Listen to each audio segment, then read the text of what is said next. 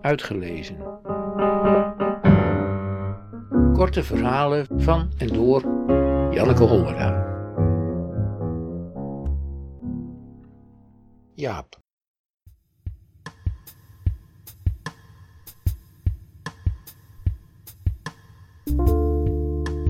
Tien over half twaalf. Het is niet te wekken, het is de telefoon. Ik neem slaapdronken op, ja? Met mij? Met wie? Herken je me niet? Zijn stem klinkt donker, een beetje hees.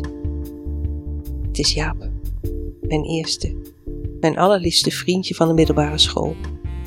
Hij heeft me een paar weken geleden op Facebook gevonden en nu belt hij of ik wakker ben. Ik zeg, ik sliep, ik slaap, ik schrok. Wat is er? vraag ik en waarom zo laat? Zomaar. We zwijgen.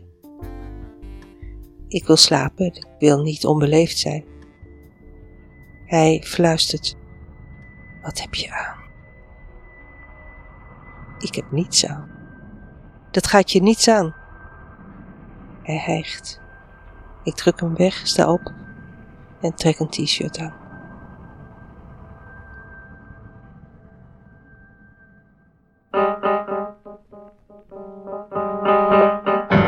Uitgelezen.